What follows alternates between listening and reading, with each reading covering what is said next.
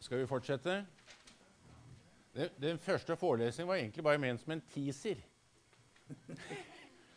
Det står ingenting om det jeg da sa om i noe pensum. Jeg synes det er litt eh, også Bare for at jeg også skal kunne overleve og være foreleser, så må man av og til sette seg inn i noe som er litt nytt, og noe som er litt aktuelt.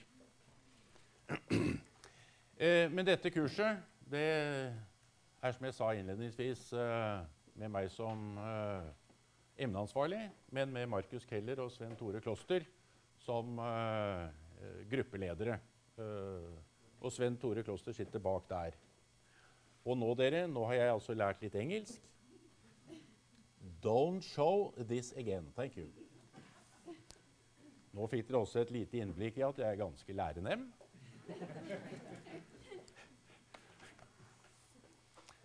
Så da må vi gå gjennom eh, liksom litt eh, av hvordan kurset er bygget opp, og hva jeg og de andre forventer av dere, og sånn at dere liksom eh, går ut med sinnet og karakteren i behold når vi kommer til juni.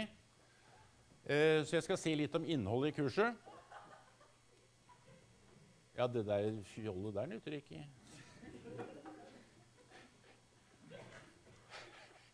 Vi hørte dere. Og vi håper dere har hatt det morsomt, og så er vi selvfølgelig litt misunnelige. Så kurset er bygget opp sånn at uh, det skal greie å uh, danne en forbindelse mellom religion og etikk. Og det gjør at uh, vi har tenkt at vi må ha bitte, bitte lite grann om grunnlaget også for troslære. Ikke bare etikkbiten. Og Derfor så er det pensumbiter som har det med. Uh, og jeg vet jo at uh, den type grunnlag er veldig forskjellig hos uh, studenter. Noen har jo dette til overmål fra før. I hvert fall innen spesielle tradisjoner, eller sine egne tradisjoner. men som en helhet i kurset så har vi valgt å gjøre det sånn. Og at vi konsentrerer oss om jødedom, kristendom, islam og buddhisme. Uh, man kunne selvfølgelig hatt med mange flere, men det er begrenset til det. Si litt om hvem som skal forelese, og hva det blir forelest om. Og hvordan gruppene er eh, sammensatt, hva de skal jobbe med, hvordan de skal jobbe med, med tingene, og hvilke krav vi setter til dere gjennom semesteret. På emnesiden, eller på hjemmesiden så står det at det er dette dere skal lære skal lære litt om uh, religionenes tenkning med henblikk på etiske, teologiske og religionsfilosofiske perspektiver. Vi legger særlig vekt på forholdet mellom etikk og religion, både historisk og prinsipielt. og også i forholdet til samfunn. Timeplanen, uh, som nå ligger ute både på fronter og på hjemmesiden, gjør at disse forelesningene holdes hver fredag på samme tidspunkt. Uh, og som dere vet, så er forelesningene ikke obligatoriske for kurset, men gruppene er. Og Derfor er det veldig hyggelig å se dere her, da. Dere må jo være frivillige, alle sammen. Det er fantastisk. eh, og da eh, har vi for hver av disse en, en bolk med kristendom, en bolk med jødedom, en bolk med islam, eh, og med noen eh, spredte forelesninger om spesielle temaer. Sånn at eh, fra neste fredag så er det kristendom og etikk tre ganger etter hverandre. Så kommer jeg tilbake med en liten gjesteopptreden, men da mer om etiske tilnærminger til, til etikk. Altså hva mener vi med etikk når vi uh, anvender en eller annen type religion. Hvordan utarbeider vi det? Jødedom og etikk det er den eneste forelesningen som går fra klokken 9 til 12. Eh, og så kommer tre eh, forelesninger om islam og etikk med Safet Bektovic, som er nyansatt på Teologisk fakultet. Har vært mange år i Danmark. Er selv også muslim. Eh, buddhisme og etikk. To forelesninger av Notto Telle, som ikke er buddhist, men veldig glad i buddhismen.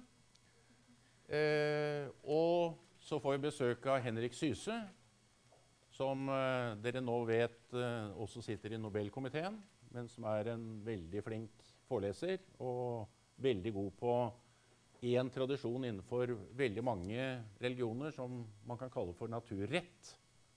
Altså hva kan man utlede av naturen? Uh, så han tar oss igjennom det. Og mer spesielt så vil Helene Ingjerd, som tok en doktorgrad på Den rettferdige krigsetikk, komme den 29.4. og snakke om religionenes bruk av uh, ulike typer begrunnelser for å bruke vold. Uh, ja. Og den siste avslutter jeg uh, med noen refleksjoner om den religiøse etikkens plass i sekulære samfunn.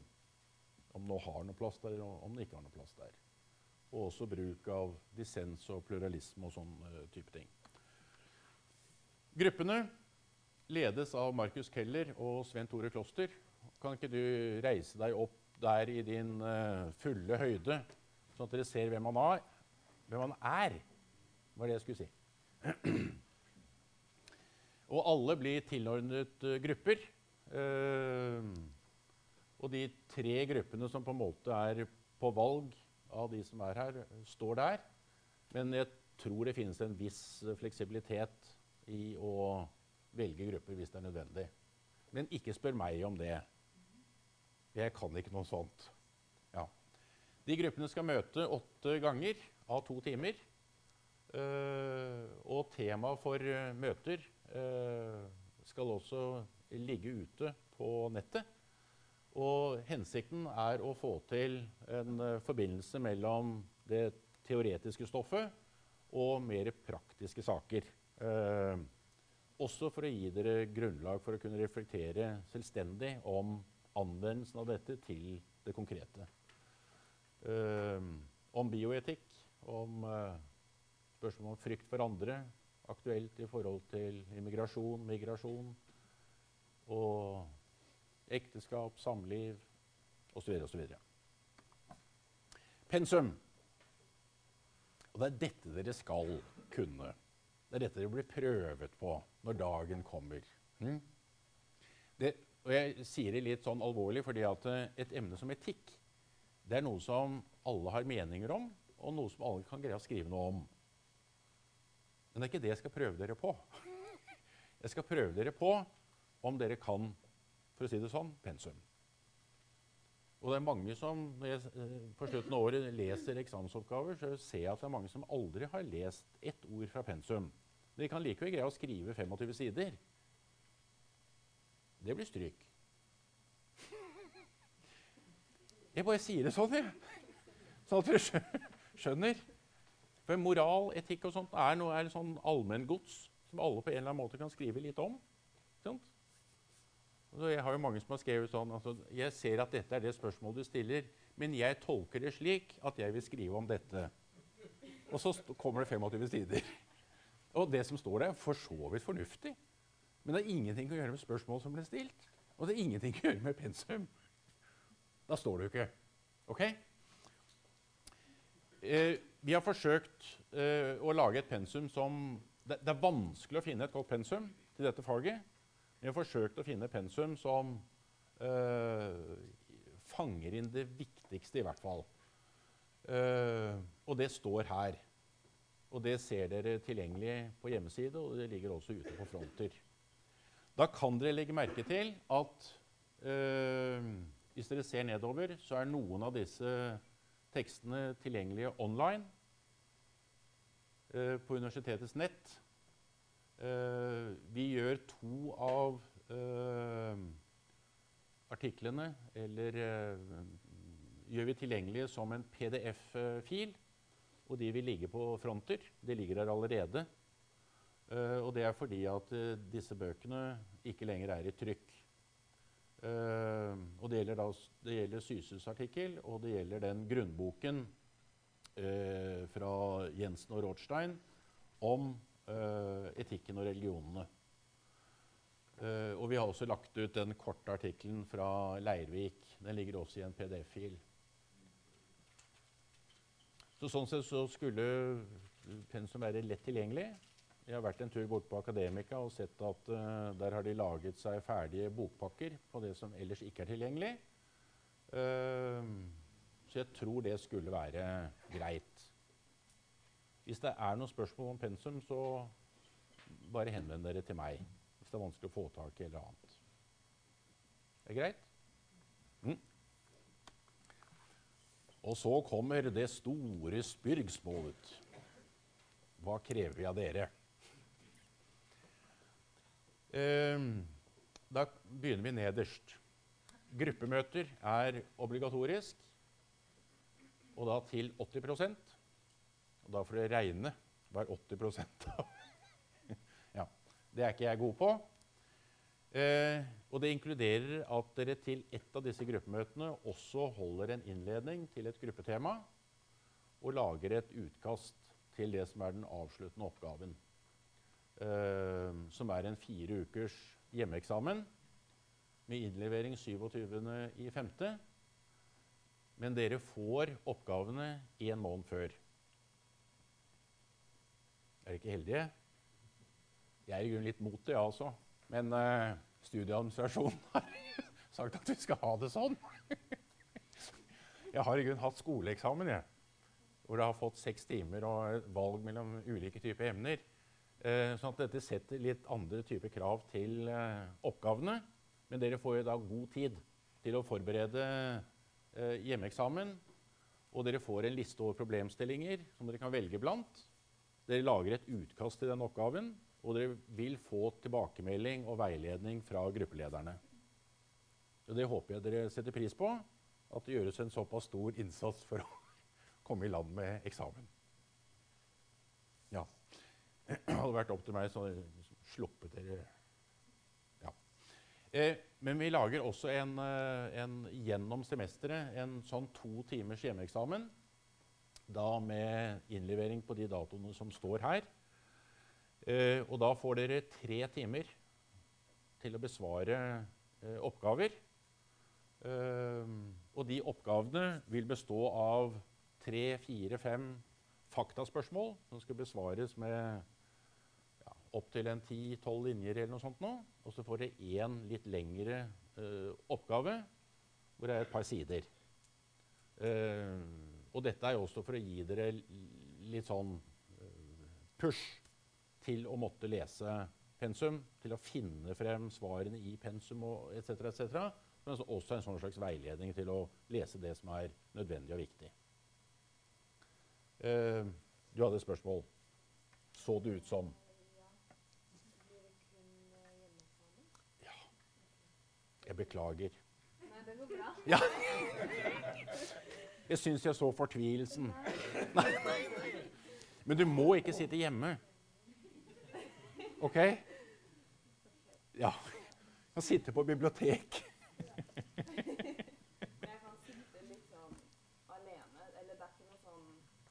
Du kan sitte alene. Du har ikke noen som ser på deg, liksom? Det har ingen som ser på deg. Nei.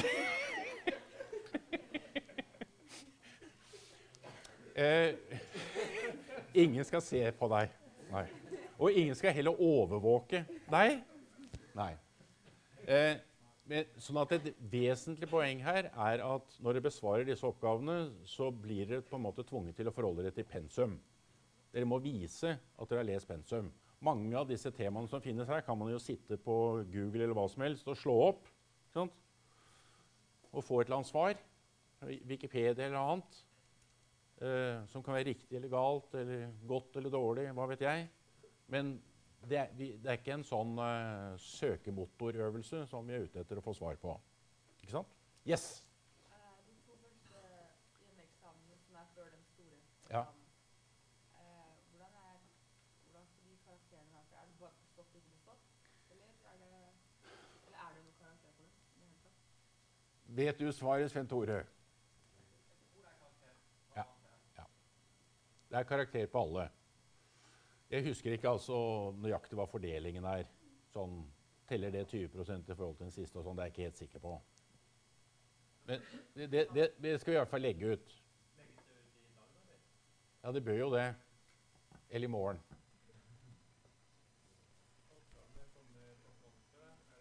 Jeg, eh, det tror jeg de gjør. Ja. Du, nei. Det er hele liksom Vitsen med å ha fronter er at vi får lov til å bevege oss utenfor vår egen enklave. Ikke sant? Ja, For å holde oss til forrige forelesning. Så hvis du er i Australia eller i Afrika Hvis de har eh, internettilgang ja, Det er ikke alltid. Dette er, dette er selvfølgelig hel, dette er bare tull, men for noen år siden så var jeg i Addis Ababa og skulle introdusere et kjempesvært nytt kurs i medisinsk etikk. Internettbasert. Og universitetet hadde da skrevet og sagt at de hadde fantastisk datarom, alt utstyr tilgjengelig og, og svære greier som vi skulle holde på i tre uker. Men når jeg kom dit, så var jo utstyr var i orden. Men det fantes jo ikke muligheter for å få internettilgang. Ja. Jeg har aldri vært så svett i hele mitt liv. Jeg fikk ikke gjort noen ting. Så vi endte opp på en internettkafé midt i Addis Ababa klokka ett om natten, for da var det tilgang. Men det skjer ikke her. Ok? Men det er bare å spørre om disse kravene hvis det er noe som er uklart. Men dette gjør vi for første gang i år. Vi har ikke gjort det sånn tidligere.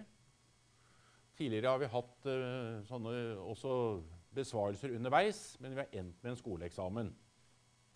Så det er et forsøk på å gjøre noe litt annerledes. Og jeg tror det er bra. Jeg tror dere får god bistand. Nå kommer du!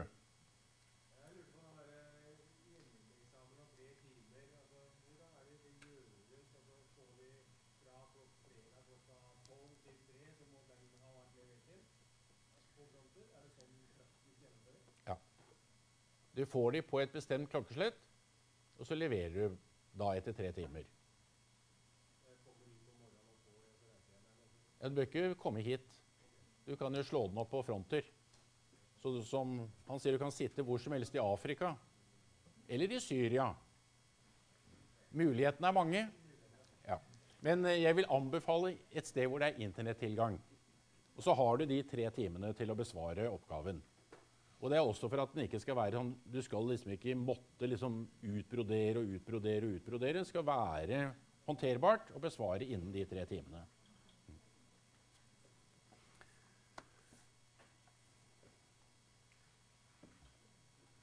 Mål for denne type undervisning skal det være for noe? Jeg er ikke bare ute etter at dere skal tilegne dere kunnskap, egentlig om religioner og om etikk.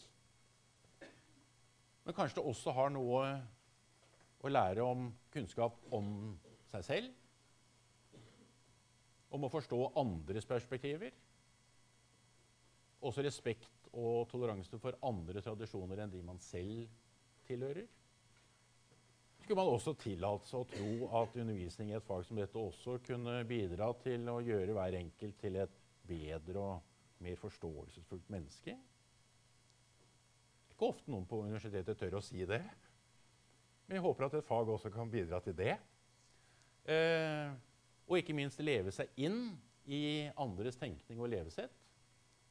Uten at det betyr at man nødvendigvis skal akseptere og innordne seg eller øh, andres måter å gjøre det på.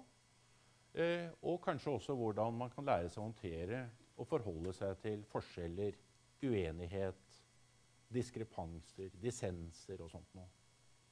Så jeg håper at også disse målene med undervisningen uh, at dere tar det også med videre. Og da har jeg tenkt å bruke resten av tiden på å gi dere en bitte liten Jeg, jeg tillater meg å kalle det en liten leseanvisning ja, i det etiske landskapet. Jeg tror at noe av dette har de fleste av dere fått med dere i ulike sammenhenger før. Altså Noe av dette finnes også på videregående. Det finnes i litt forskjellige typer studier og sånt noe. Eh, Og det er også et spørsmål om det finnes noen annen type etikk i religioner enn det det gjøres f.eks. i filosofi eller i,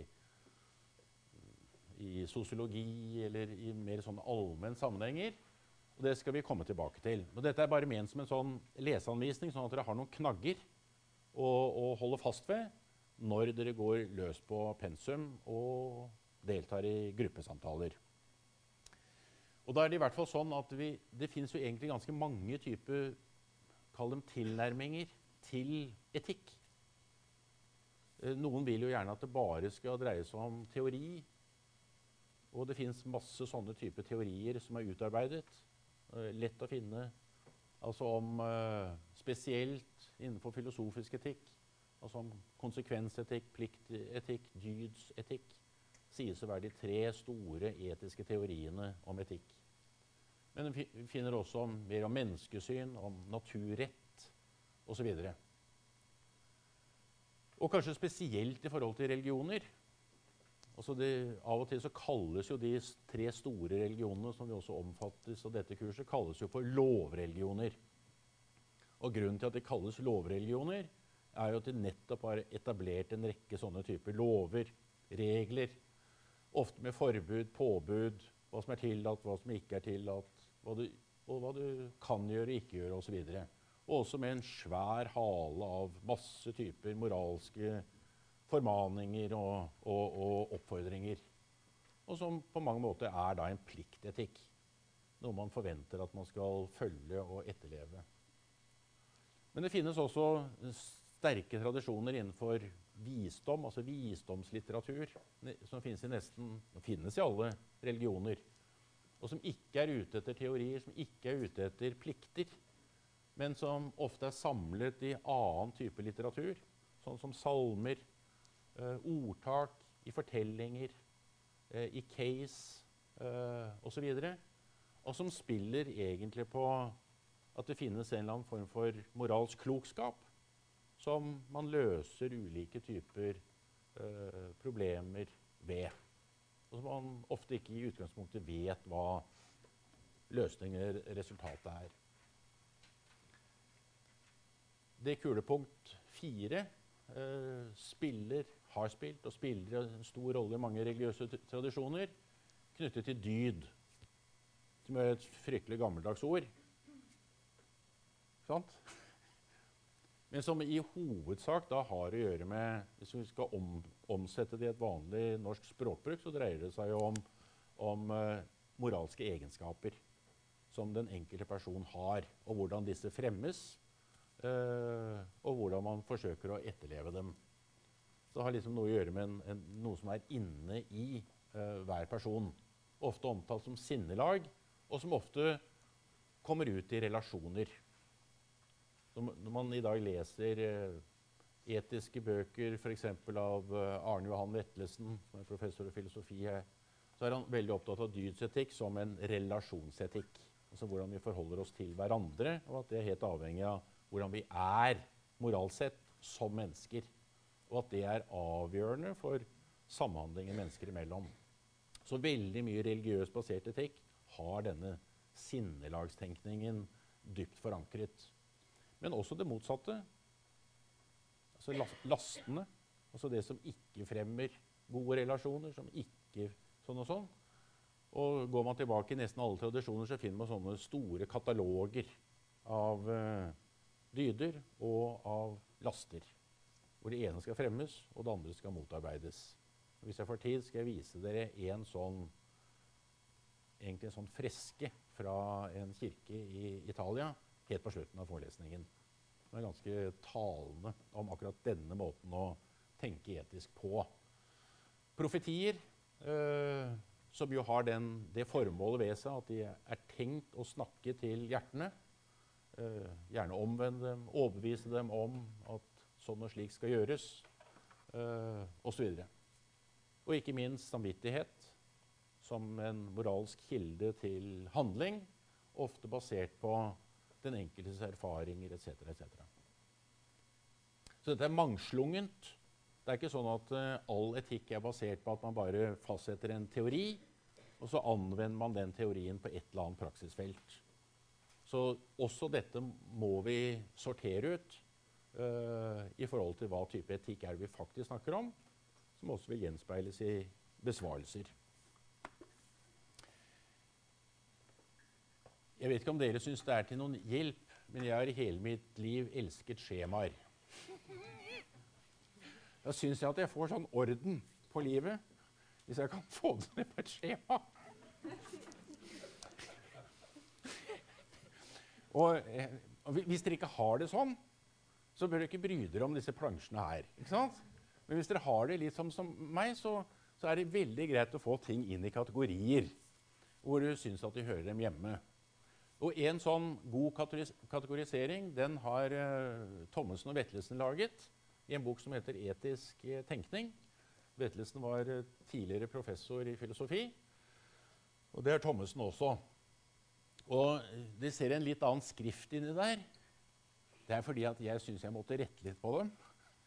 Så da har jeg med naturrett, som også spiller en rolle det, det, er veldig interessant at det med naturrett det liksom falt ut av den filosofiske etikken og er derfor ikke med.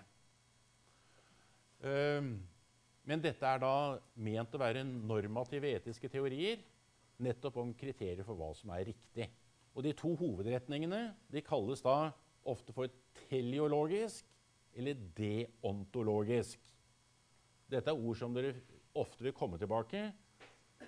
Telos betyr mål. Deon betyr plikt. Det er lette ord. Men jeg må bare hjelpe dere litt, for jeg får av og til sånne besvarelser som da skal skrive om det teleologiske i eksamensbesvarelser, men da skriver de om de teologiske. Og da blir det jo ikke helt riktig. Må ha med et par bokstaver til, så blir det riktig. Eh, og de er lett å dele inn på en måte i eh, undergrupper og som dere også vil eh, få tilgang til gjennom pensum, at den som liksom er målrettet, den deles ofte inn i nytteetikk og i står det dygdsetikk. Dydsetikk. Uh, og den nytteetiske uh, kan, eller blir av og til også inndelt i den som er egoistisk, og den som er utilitaristisk. Altså den som har å gjøre med gode konsekvenser for eh, flest mulige. Legg merke til det med dyd i en sånn skjematisk oppsetning som dette. Fordi her er dydsetikk ikke plassert på samme måte som jeg gjorde i forrige plansje. Og jeg sa at dette har å gjøre med en relasjonell egenskap som mennesker har for å kunne relatere seg til hverandre på best mulig måte.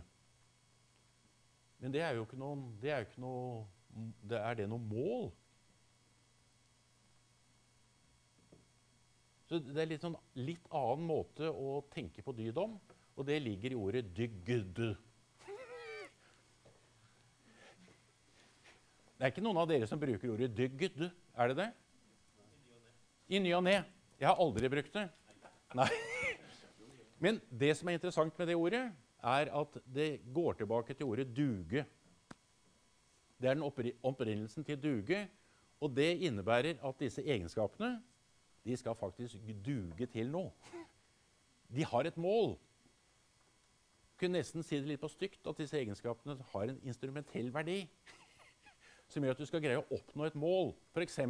et godt samfunn, et godt liv. De er ikke bare for relasjonens egen skyld, du skal kunne oppnå noe med dem. Du har et mål. Jeg er god med deg av en grunn annet enn at jeg vil være god. Det er mange som ikke tenker på når det gjelder disse dygdene. Selv om jeg aldri bruker ordet dygd. Men sånn uh, språklig så er det korrekt. Og da får vi en dydsetikk som nettopp dreier seg om målet. Eh, den deontologiske den er veldig vanlig å inndele i en pliktetikk og en rettighetsetikk. Eh, som vi også vil komme veldig tydelig tilbake til når det gjelder eh, altså naturrett. Spesielt i forhold til forståelsen av at noe er riktig i seg selv, i forhold til at hver enkelt har en rett til å gjøre hva vedkommende mener er riktig for seg. Og det er veldig to ulike etikker. Eh, og den pliktetikken som dere ser øverst der, den deles ofte inn i en sånn type heteronom og autonom retning. Og det har jo også å gjøre med hvem er det som egentlig bestemmer denne plikten. Hvem bestemmer plikten?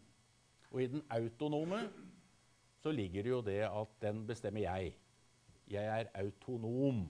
Hele dette selvbestemmelsesbegrepet ligger inne her.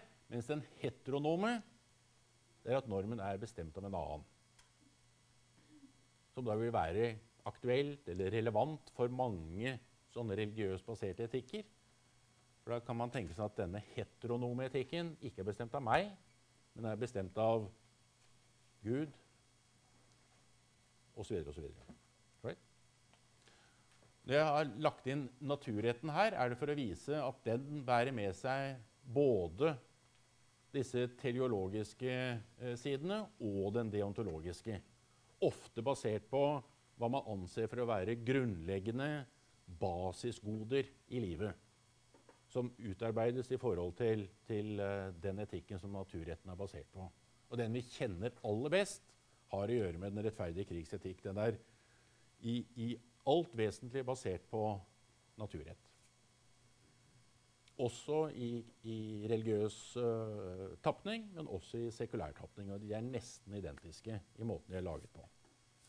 Men det kommer vi tilbake til. Er det noe hjelp i en sånn plansje, eller bare tull? Det er bra. Det er, bare fordi du er litt lik meg. Men jeg syns det skaper litt orden i etikkverdenen, og som dere kan ha med dere når dere leser pensum også. Hvor hører disse type etiske tenkninger hjemme? Så er det ålreit å bruke den. Så kommer det en ting til inn tenker jeg som er viktig å være, være seg bevisst og være klar over når man forholder seg til disse etiske tenkemåtene i, og i forhold til religion eller religiøse samfunn. Og det er jo det at de fleste av disse tingene ikke leses i et vakuum. Altså hvordan det skal være, hva som er riktig, hva som er målet med livet etc. Men de leses i lys av noen sånne teologiske grunnforestillinger. Og disse teologiske grunnforestillingene er jo veldig like. Det Innholdet er ikke like, men de er veldig like i nesten alle typer religioner. Og som det dreier seg om, om skapelsen, altså hvordan verden ble til, hvordan menneskene ble til. Om, og hele dette konseptet rundt at livet er en gave, fått som en oppgave for menneskene. Denne tosidigheten mellom den kjærligheten som Gud har gitt hvert enkelt menneske, men som også utløser kjærligheten til nesten. Det finner vi i nesten alle typer religioner. Du har fått en gave, men den medfører også en oppgave. Og det farger også alle etikkforståelser som jeg viste til tidligere. Det samme tror jeg gjelder frelse og forsoning som sterke hovedbegreper i religioner. Oppfatningen om de siste ting eskaton. Eller, og som vi også har vært inne på allerede, betydningen av det religiøse fellesskapet. Eh, farger bestemmer mye av etikkforståelser. Og til slutt også eh, forståelser om hva det innebærer å ha et eh, åndelig liv, hva det betyr å be, hva spiritualitet er for noe, som har stor betydning for for eh, den enkeltes selvforståelse i en religiøs sammenheng. Så her bare påpeker jeg at det er vanskelig å se på disse skjemaene, plansjene, uten også å se dem i lys av disse grunnleggende forestillingene som finnes.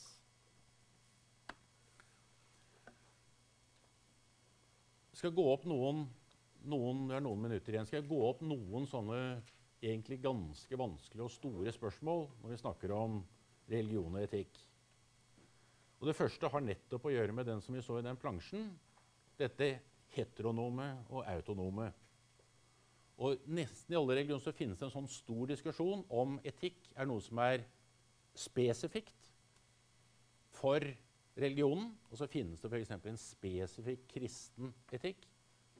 Finnes det en spesifikk islamsk etikk? Finnes det en spesifikk jødisk etikk? Eller har alle sammen på en måte en etikk som er tilgjengelig for alle. Altså basis for den.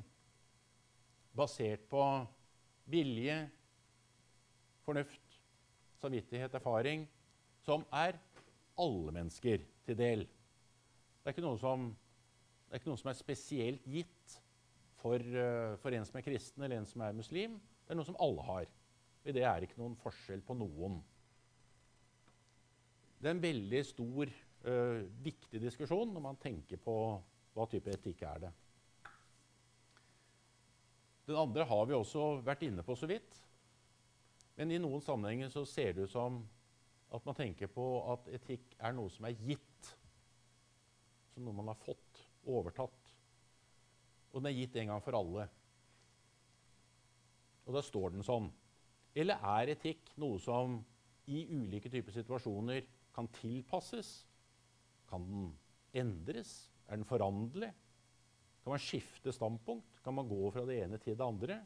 Og veldig mange eh, religioner sliter, vil jeg si, med denne spenningen mellom det som er gitt, og tilpasning til nye omstendigheter. Jeg tror at det er tilfellet at de aller fleste religioner ligger innenfor det siste. At man gjør tilpasninger.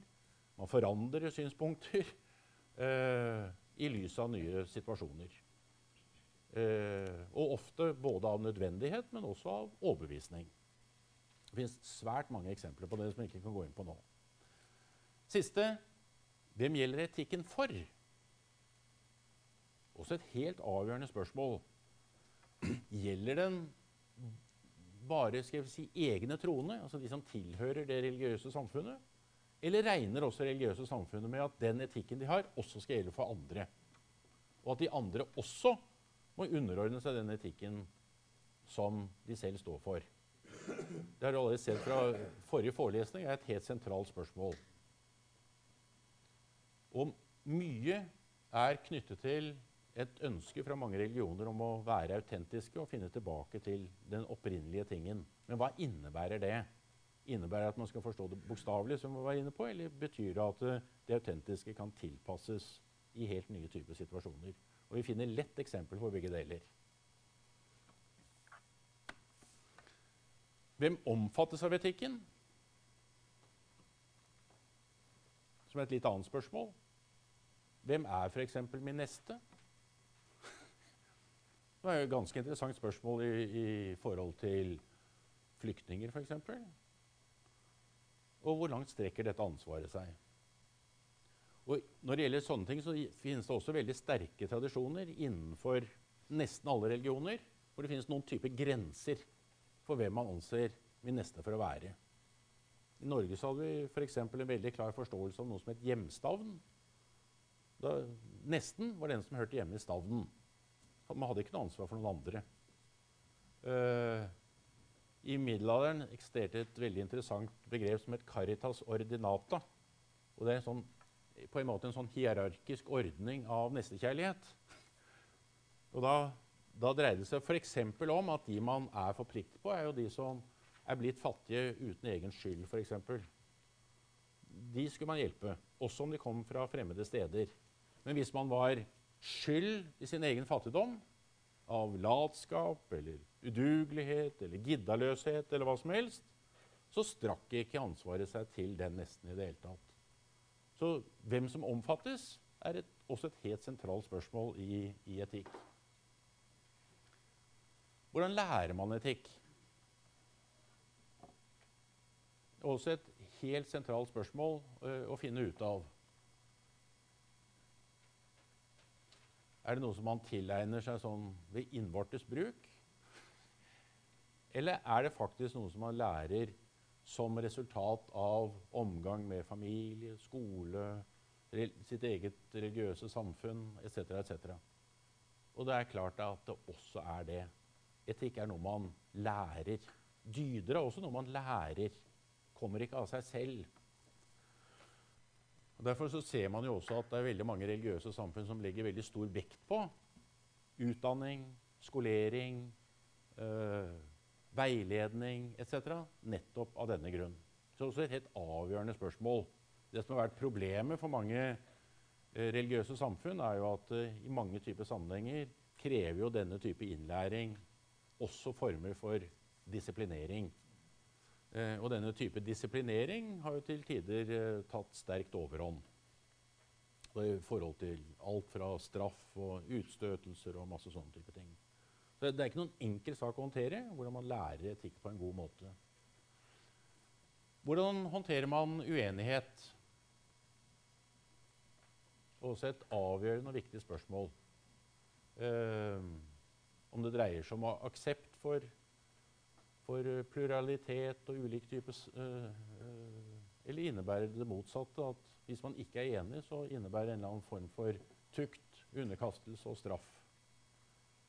Også et veldig sentralt og viktig spørsmål innenfor uh, religion og etikk. Og hvordan håndterer man moralsk svik?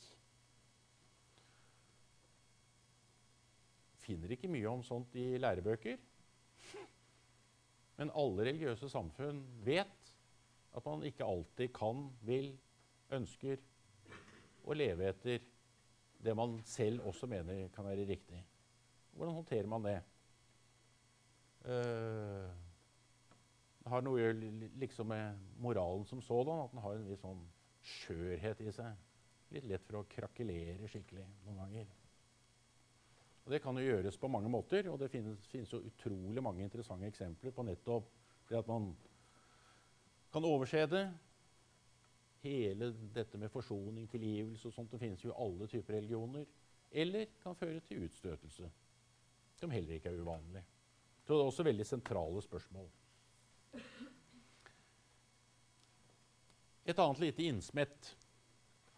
Dette er bare sånne smådrypper dere får nå. altså.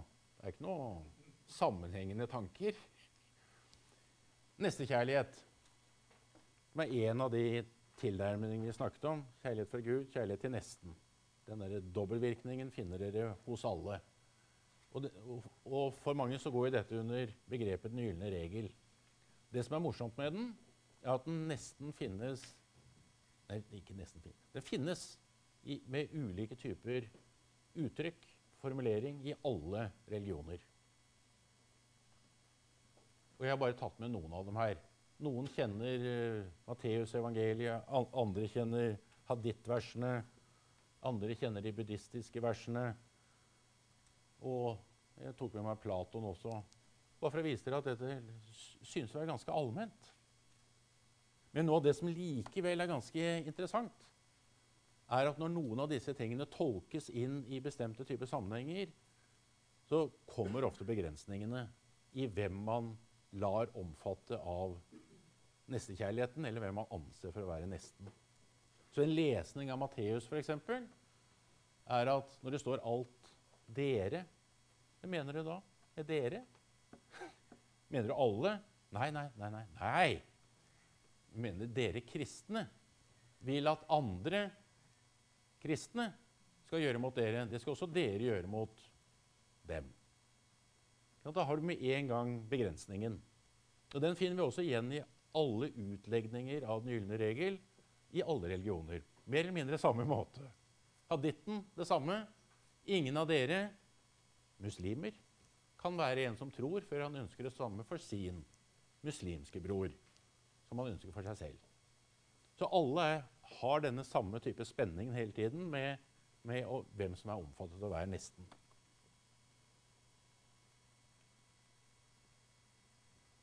Dette har jeg hatt på et tidligere kurs. Jeg har noen veldig morsomme slides her, men jeg får ikke tid til å gå gjennom. Så jeg syns vi skal slutte med ja, altså, Jeg har alltid for mye. Jeg er så redd at jeg ikke skal ha nok å si. Men dere kan titte på dem. Jeg tenkte vi kunne slutte med denne. Denne lille tilnærmingen om dyder og laster som dere ikke finner mye av i lærebøker i dag, men som har hatt en, og har, og har hatt en veldig stor betydning i alle religiøse samfunn når det gjelder formingen av moralske egenskaper. Og dette er en sånn relativt vanlig katalog, har man kalt det, av dyder og laster. Eh, og Dydene har jo ofte vært klokskap, mot, måtehold, rettferdighet, tro, håp og kjærlighet. Og lastene fortvilelse, utroskap, vantro, urettferdighet, misunnelse, sinne, dårskap. Men hvordan lærte folk sånne ting? Da skal dere ta dere en tur hit. Vet dere hvor dere er nå? Nå er dere i Padova i Italia, i en kirke. Og i nesten alle typer gudshus så kan man finne sånne typer fremstillinger, f.eks. av dyder og laster. Som folk da, den gangen de gikk i kirken hver dag, eller en gang i uken, så møtte de jo disse bildene, som da enten var, skulle være forbilder, eller skulle være til skrekk og advarsel. Bare med den enkle tankegangen at det er sånn jeg vil bli, eller sånn skal jeg i hvert fall ikke bli. Det var, var ofte ikke veldig mye vanskeligere enn det. Jeg vet ikke om dere kan lese hva som står eh, det, det, Er dette laster eller dyder? Ja, dette må jo være dyder. Dette er jo veldig sympatiske mennesker. Der tror jeg det står Caritas. Det er altså, en, altså nestekjærlighet, en som gir bort. Spes, håp. Hva det står for noe der? Fortitudo. Altså mot, styrke. Som tør å gjøre noe. Og det siste bildet Hva tror du det er? Der har vi noen laster, har vi ikke det?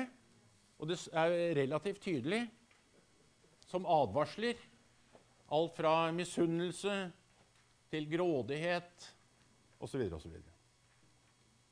Du, bare avslutte med det som en litt, sånn, litt annen måte å lære etikk på enn det dere faktisk finner i pensum. Takk for i dag.